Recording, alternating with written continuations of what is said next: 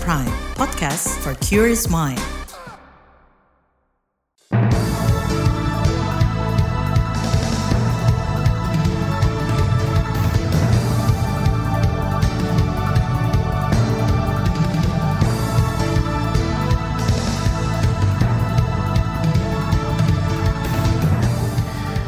Selamat pagi saudara, senang sekali kami bisa menjumpai Anda kembali melalui program Buletin Pagi untuk edisi awal pekan Senin 4 Maret 2024. Saya Agus Lukman.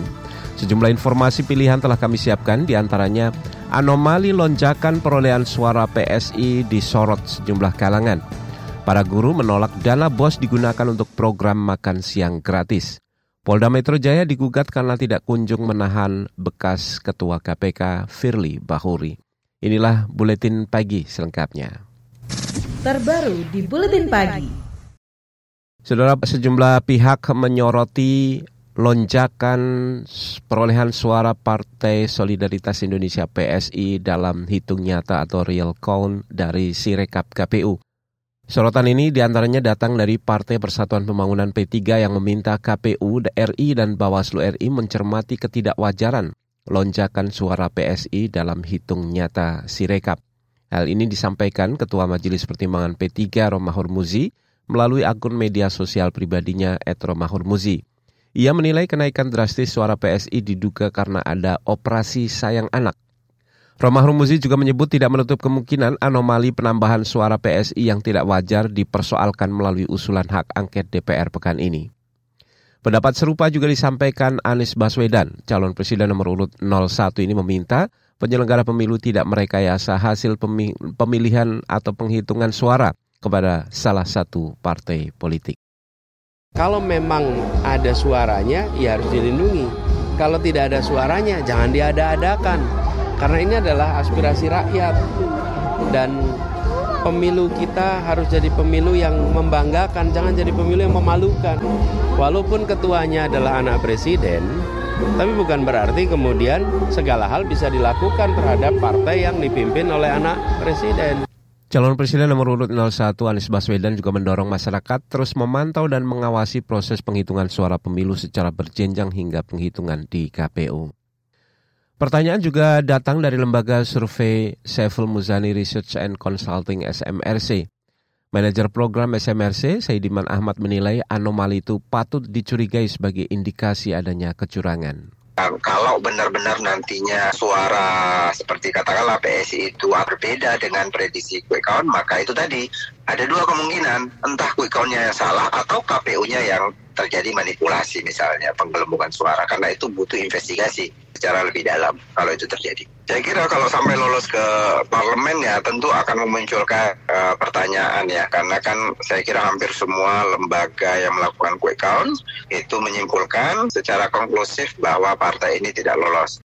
Manajer program Lembaga Survei SMRC, Saidiman Ahmad mengatakan perolehan suara PSI saat ini dipengaruhi oleh Jokowi Efek Meski begitu, hasil quick count seluruh lembaga survei jelas menempatkan suara PSI di bawah 3 persen atau tidak lolos perhitungan parliamentary threshold. Menanggapi sorotan sejumlah pihak, Partai Solidaritas Indonesia PSI angkat bicara. Juru bicara PSI, Dedek Prayudi, menilai lonjakan itu cukup wajar karena suara yang masuk dimungkinkan berasal dari lumbung suara partainya di daerah. Eh, terutama DKI 2 ya, Jakarta Pusat, Jakarta Selatan dan internasional, itu yang masuk baru sekitar 21 persenan. Nah inilah dia yang kemudian menyebabkan mungkin yang sudah dihitung itu adalah lumbung-lumbung suara partai tertentu, sementara lumbung suara partai yang lain itu belum mulai dihitung. Atau mungkin sebelumnya ya, sebelum kami meroket beberapa hari yang lalu, lumbung-lumbung suara kami juga belum dihitung. Nah ketika ini dihitung, maka terjadi kenaikan persentase. Itu tadi saudara juru bicara Partai Solidaritas Indonesia PSI Dedek Prayudi.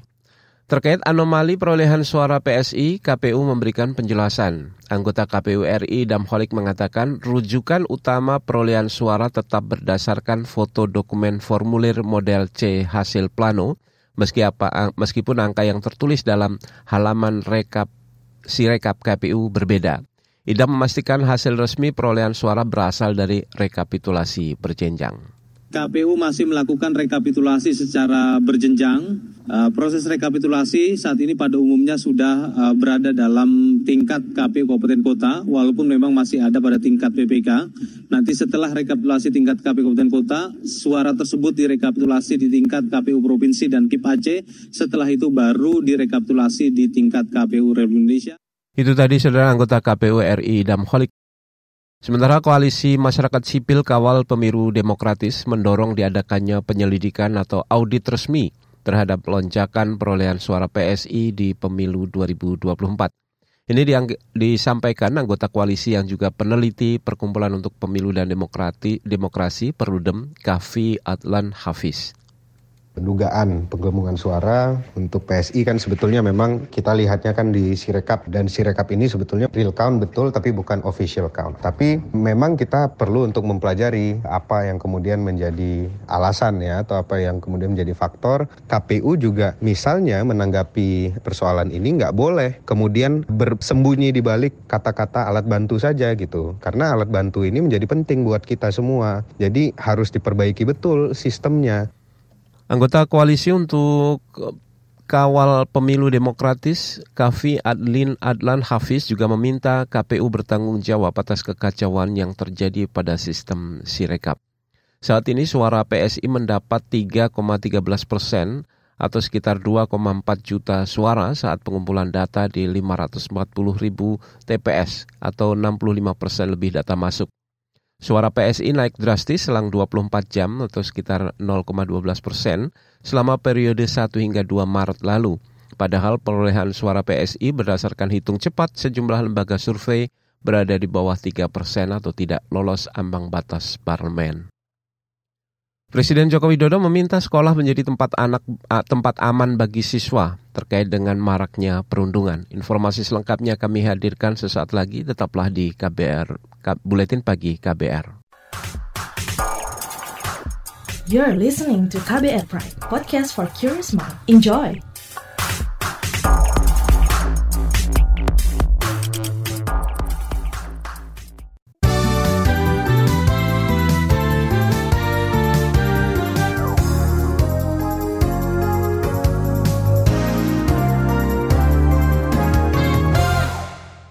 Saudara kita menuju ke Jawa Tengah. Saksi pasangan calon presiden nomor urut 01 dan 03 menolak menandatangani berita acara dalam rapat pleno rekapitulasi di KPU Kota Solo, Jawa Tengah. Ketua KPU Solo Bambang Kristanto mengatakan saksi dari kedua belah pihak menolak dengan alasan adanya kecurangan serta adanya instruksi dari pimpinan partai pengusung. Yang jelas proses mereka berjenjang mulai kemarin dari kelurahan, kecamatan. Saya sekali lagi mengucapkan terima kasih kepada seluruh pengawas, teman-teman PPK, saksi semuanya. Dan saya sampaikan Bapak Ibu di lima kecamatannya dan diteruskan ke masing-masing panwas maupun saksi. Prinsipnya Dapur Surakarta tidak akan dan tidak akan mengubah menggeser perolehan hasil Ketua KPU Kota Solo Bambang Kristanto mengatakan perolehan suara terbanyak diraih pasangan calon 02 Prabowo Gibran lebih dari 190 ribu suara, disusul pasangan calon nomor urut 03 Ganjar Mahfud dengan 128 ribu suara, disusul pasangan calon nomor urut 01 Anies Baswedan dan Mohaimin Iskandar dengan 56 ribu suara. Masih terkait pemilu, Saudara. Menteri Dalam Negeri Tito Karnavian meminta Satuan Polisi Pamong Praja atau Satpol PP dan Satuan Perlindungan Masyarakat Satlinmas turut andil menjaga keamanan menjelang pemilihan kepala daerah atau pilkada serentak 2024. Satpol PP yang jumlahnya cukup banyak, lebih dari 100 ribu, 105 ribu, dan Litmas yang jumlahnya cukup besar, ini sangat penting karena semua daerah kalau saatnya pemilu, pilkada dilaksanakan setiap daerah harus mengamankan daerah masing-masing. Menteri Dalam Negeri Tito Karnavian juga mendorong Satpol PP dan Satlinmas menjaga integritas, memegang kode etik dan disiplin dalam bertugas. KPU memastikan jadwal pilkada serentak akan berlangsung sesuai jadwal, yaitu pada November 2024. Pilkada akan digelar di 545 daerah dengan rincian 37 provinsi, 415 kabupaten, dan 93 kota. Kita ke informasi lain, Presiden Joko Widodo mengatakan sekolah harus bisa menjadi rumah yang aman bagi siswa untuk belajar, bermain, dan bersosialisasi. Jokowi khawatir dengan terjadinya kasus perundungan, kekerasan, dan pelecehan yang belakangan marak terjadi di lembaga pendidikan. Jangan sampai ada siswa yang takut, ketakutan di sekolah. Jangan sampai ada siswa yang tertekan di sekolah dan tidak betah di sekolah. Dan saya menaruh harapan besar pada Bapak Ibu guru untuk menjadi ujung tombak menciptakan lingkungan sekolah yang nyaman, menciptakan lingkungan sekolah yang aman bagi anak-anak kita. Presiden Joko Widodo berpesan kepada para guru untuk mengutamakan hak anak dan ia juga meminta agar kasus perundungan atau bullying tidak ditutup-tutupi namun harus diselesaikan dan penyelesaiannya berpihak kepada korban. Beralih ke informasi lain, Perhimpunan Pendidikan dan Guru P2G menyayangkan adanya usulan penggunaan dana bantuan operasional sekolah atau BOS untuk program makan siang gratis anak sekolah. Kepala Bidang Advokasi Guru P2G, Iman Zanatul Hairi, mengatakan kebijakan itu kurang tepat di saat pemerintah belum mampu menyejahterakan guru. Seharusnya skema makan siang gratis pembiayaannya tidak diambil dari anggaran pendidikan termasuk BOS dari APBN. Sebab dengan anggaran APBN yang sekarang saja belum mampu mensejahterakan guru. Misal kami contohkan ya fasilitas sekolah di SD menurut BPS 60,60% ,60 ruang kelas dalam keadaan rusak untuk tahun 2022. Kepala Bidang Advokasi Guru P2G Iman Zanatul Hairi mengatakan kesejahteraan guru terutama honorer semestinya lebih diperhatikan ketimbang program makan siang gratis. Sebelumnya usulan pendanaan makan siang lewat dana BOS disampaikan Ketua Tim Kampanye Daerah Prabowo Gibran DKI Jakarta Ahmed Zaki Iskandar. Diperkirakan dana makan siang gratis untuk jutaan siswa menelan anggaran triliunan rupiah per tahun. Kita ke informasi hukum, Komisi untuk Orang Hilang dan Korban Tindak Kekerasan Kontras tengah mematangkan upaya jalur hukum menolak pemberian gelar Jenderal Kehormatan terhadap Menteri Pertahanan Prabowo Subianto. Koordinator Kontras Dimas Bagus Arya mengatakan, kini mereka sedang mengumpulkan beberapa data serta mematangkan diskusi bersama keluarga korban pelanggaran HAM dan koalisi masyarakat sipil karena ini masih masih tengah dirancang, kami takut kalau misalnya kita menyampaikan di publik atau secara uh, publik begitu ya, akan ada beberapa halangan-halangan atau rintangan-rintangan gitu ya. Jadi kami coba untuk melihat ini sebagai sebuah langkah yang kami siapkan. Itu tadi saudara koordinator kontras Dimas Bagus Arya. Pada pekan lalu, Presiden Joko Widodo memberikan kenaikan pangkat militer bintang 4 kepada Menteri Pertahanan Prabowo Subianto. Pemberian ini mendapat kritik keras dari keluarga para korban pelanggaran HAM berat lantaran bekas Pangkostrat Prabowo Subianto diduga terlibat kasus pelanggaran HAM yaitu penghilangan paksa dan penculikan aktivis tahun 1997-98 dan diberhentikan oleh institusi militer. Kita ke mancanegara, saudara kelompok Hamas Palestina menegaskan gencatan senjata di jalur Gaza bisa diterapkan dalam waktu 24 jam hingga 48 jam ke depan jika Israel memenuhi syarat yang diajukan. Dikutip dari Antara, seorang pejabat senior Hamas membeberkan sejumlah syarat yang diajukan kelompoknya dalam perundingan yang tengah berlangsung saat ini. Israel dan Hamas disebut selangkah lagi menuju kesepakatan gencatan senjata selama enam pekan di jalur Gaza Palestina menyusul adanya ibadah puasa di bulan Ramadan. Kita ke informasi olahraga, Saudara Rasti Wyatt berhasil memenangkan F1 Powerboat 2024 Grand Prix Indonesia yang digelar di Danau Toba kemarin siang. Pembalap dari tim Syariah ini keluar sebagai pemenang setelah menyalip Eric Stark hanya beberapa meter dari garis finish. Wyatt yang memulai balapan dari posisi ketiga tampil konsisten dan terus membayangi Jonas Anderson dari tim Bindin Vietnam dan Stark. Wyatt tampil sebagai pemenang dalam seri pembuka F1 Powerboat yang diselenggarakan selama 45 menit. Balapan F1 Powerboat Grand Prix Indonesia diikuti 18 pebalap dari 9 tim dan berasal dari 10 negara. Setelah seri F1 Powerboat di Danau Toba ini, balapan berikutnya akan dilanjutkan dengan seri di Vietnam. Di bagian berikutnya, saudara kami hadirkan laporan khas KBR mengenai perlindungan dan pemenuhan hak-hak penyandang disabilitas. Tetaplah di Buletin Pagi KBR. You're listening to KBR Pride, podcast for curious mind. Enjoy!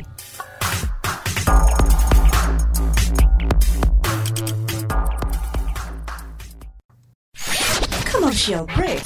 Commercial break.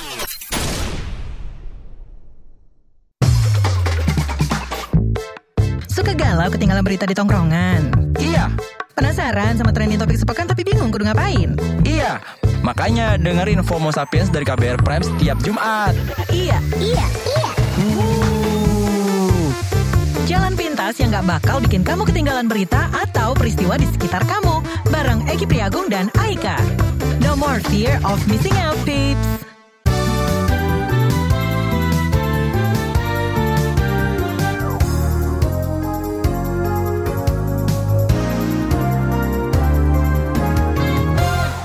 Terima kasih Anda masih bersama kami di Buletin Pagi KBR. Saudara, diskriminasi kepada kelompok disabilitas di Indonesia masih terjadi.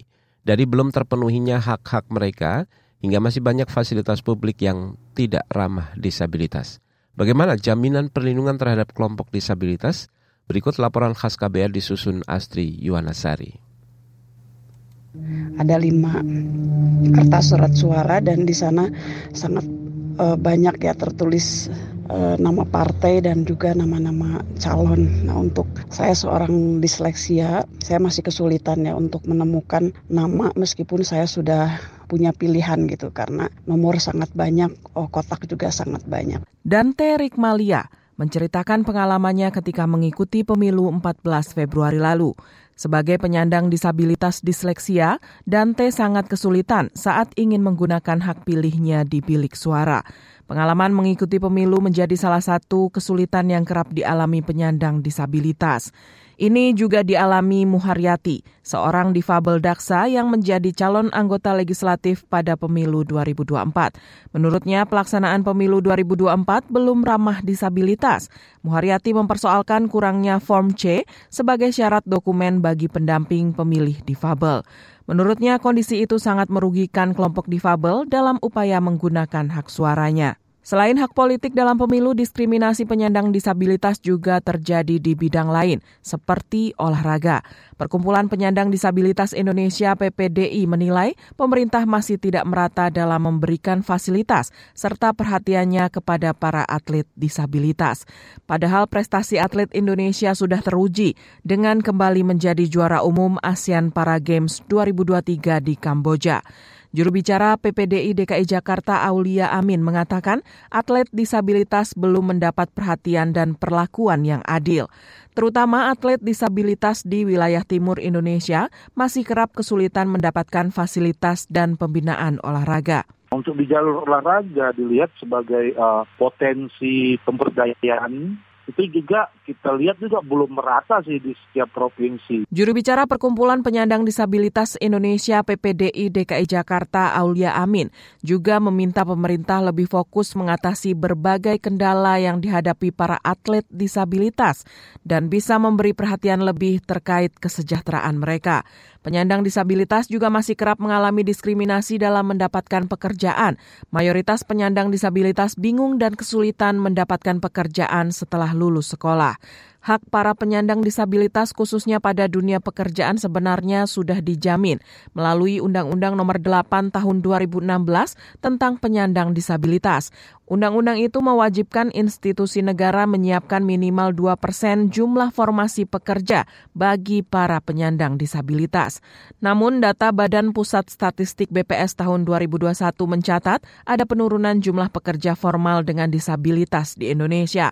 Pada 2020 jumlah pekerja formal dengan disabilitas sebanyak 7,67 juta orang atau 5,9 persen dari total penduduk yang bekerja. Namun angkanya turun pada 2021 menjadi hanya 7,04 juta orang atau 5,37 persen dari total penduduk yang bekerja. Menteri Ketenagakerjaan Ida Fauziah mengatakan saat ini terjadi tren peningkatan proporsi penyandang disabilitas yang berwirausaha. Ida menilai tren ini sebagai ironi bagi para pengusaha dan pemerintah. Ini menandakan bahwa penyandang disabilitas terpaksa harus membuka usaha sendiri karena sulit untuk bisa masuk di pasar kerja dan masih minimnya alternatif pekerjaan yang bisa dikerjakan. Apalagi minimnya awareness perusahaan untuk merekrut tenaga kerja disabilitas. Direktur Penanggulangan Kemiskinan dan Pemberdayaan Masyarakat di Kementerian PPN Bapenas, Maliki, meminta semua pihak untuk berkomitmen mewujudkan lingkungan yang ramah bagi para penyandang disabilitas. Salah satu yang dapat dilakukan yakni melalui kebijakan yang tepat sasaran dengan melibatkan para difabel. Ia menyebut penyandang disabilitas kerap menghadapi berbagai keterbatasan akses. Menurut Maliki, keterbatasan akses tersebut tidak hanya di bidang pendidikan, tetapi juga melibatkan infrastruktur, peradilan, kesehatan, layanan kependudukan, hingga ketenaga kerjaan. Kami meminta kepada seluruh pemerintah provinsi untuk segera menyusun dan menetapkan rencana aksi daerah penyandang disabilitas. Dalam penyusunannya, saya juga berpesan untuk memastikan keterlibatan penyandang disabilitas secara bermakna agar terbentuk rumusan kebijakan yang sesuai. Direktur Penanggulangan Kemiskinan dan Pemberdayaan Masyarakat di Kementerian BPN Bapenas Maliki juga mendorong sinergi lintas pemerintah dan pihak non-pemerintah untuk tidak abai pada hak-hak penyandang disabilitas dan agar mewujudkan Indonesia Emas 2045 yang inklusif. Demikian laporan khas KBR, saya Astri Yuwanasari. Itu tadi saudara laporan khas KBR mengenai perlindungan dan pemenuhan hak-hak disabilitas di Indonesia. Informasi dari daerah akan kami hadirkan sesaat lagi, tetaplah di Buletin Pagi KBR. You're listening to KBR Pride, podcast for curious mind. Enjoy!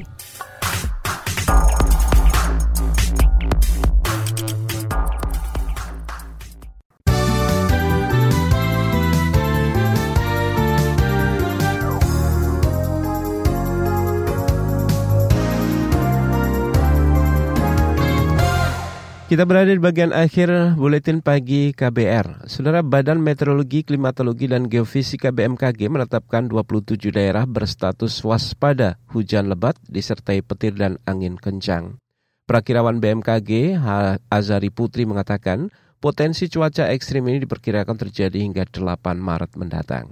Medan Julian Oscillation atau MGO teridentifikasi aktif di Samudra Hindia yang berkontribusi terhadap proses pembentukan awan hujan di wilayah Indonesia. Selain itu, gelombang atmosfer Kelvin aktif di wilayah pesisir timur Sumatera, Lampung, Kalimantan, Jawa, Sulawesi bagian tengah, dan utara. Itu tadi perakirawan dari Badan Meteorologi, Klimatologi, dan Geofisika BMKG Azari Putri. BMKG mencatat 27 wilayah berstatus waspada, meliputi sebagian besar Pulau Sumatera, seluruh provinsi di Jawa, lalu seluruh provinsi di Kalimantan, Nusa Tenggara Barat, sebagian Sulawesi, Maluku, hingga Papua. Kita ke Jakarta, saudara masyarakat anti korupsi Indonesia maki mengajukan gugatan pra-peradilan terhadap Polda Metro Jaya terkait kasus bekas Ketua KPK Firly Bahuri. Gugatan pra-peradilan diajukan ke Pengadilan Negeri Jakarta Selatan. Koordinator Maki, Boyamin Saiman mengatakan gugatan itu dilakukan karena polisi tidak kunjung menahan Firly Bahuri meskipun sudah tiga bulan berstatus tersangka.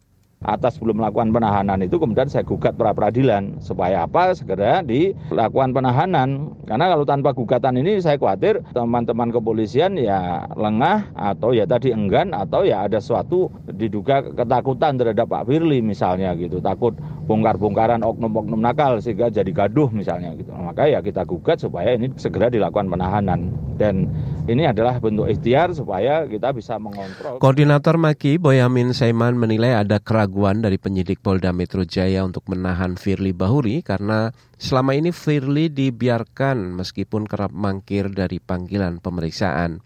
Polda Metro Jaya sudah menetapkan bekas Ketua KPK Firly Bahuri sebagai tersangka kasus dugaan korupsi dan pemerasan terhadap bekas Menteri Pertanian Sahrul Yassin Limpo pada November tahun lalu. Kita ke Nusa Tenggara Barat, saudara harga beras di Nusa Tenggara Barat diprediksi bakal segera menurun setelah adanya panen raya yang terjadi di awal Maret ini. Kepala Bidang Tanaman Pangan Dinas Pertanian Nusa Tenggara Barat lalu Mirza Amir Hamzah meminta masyarakat tetap tenang dan tidak melakukan aksi beli beras berlebihan. Jadi setiap bulan orang panen sebenarnya ada. Oh, nah kalau di bulan hmm, Maret sebenarnya ini sudah mulai kita memasuki awal untuk panen rayanya.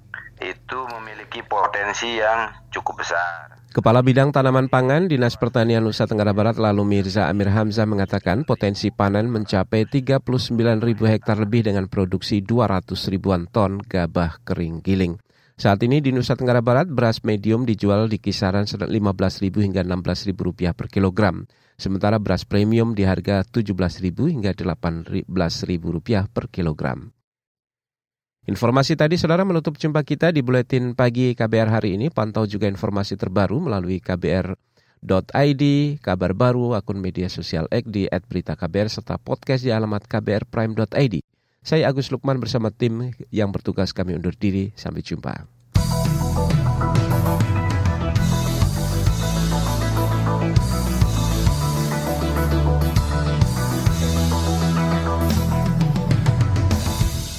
KBR Prime, cara asik mendengar berita.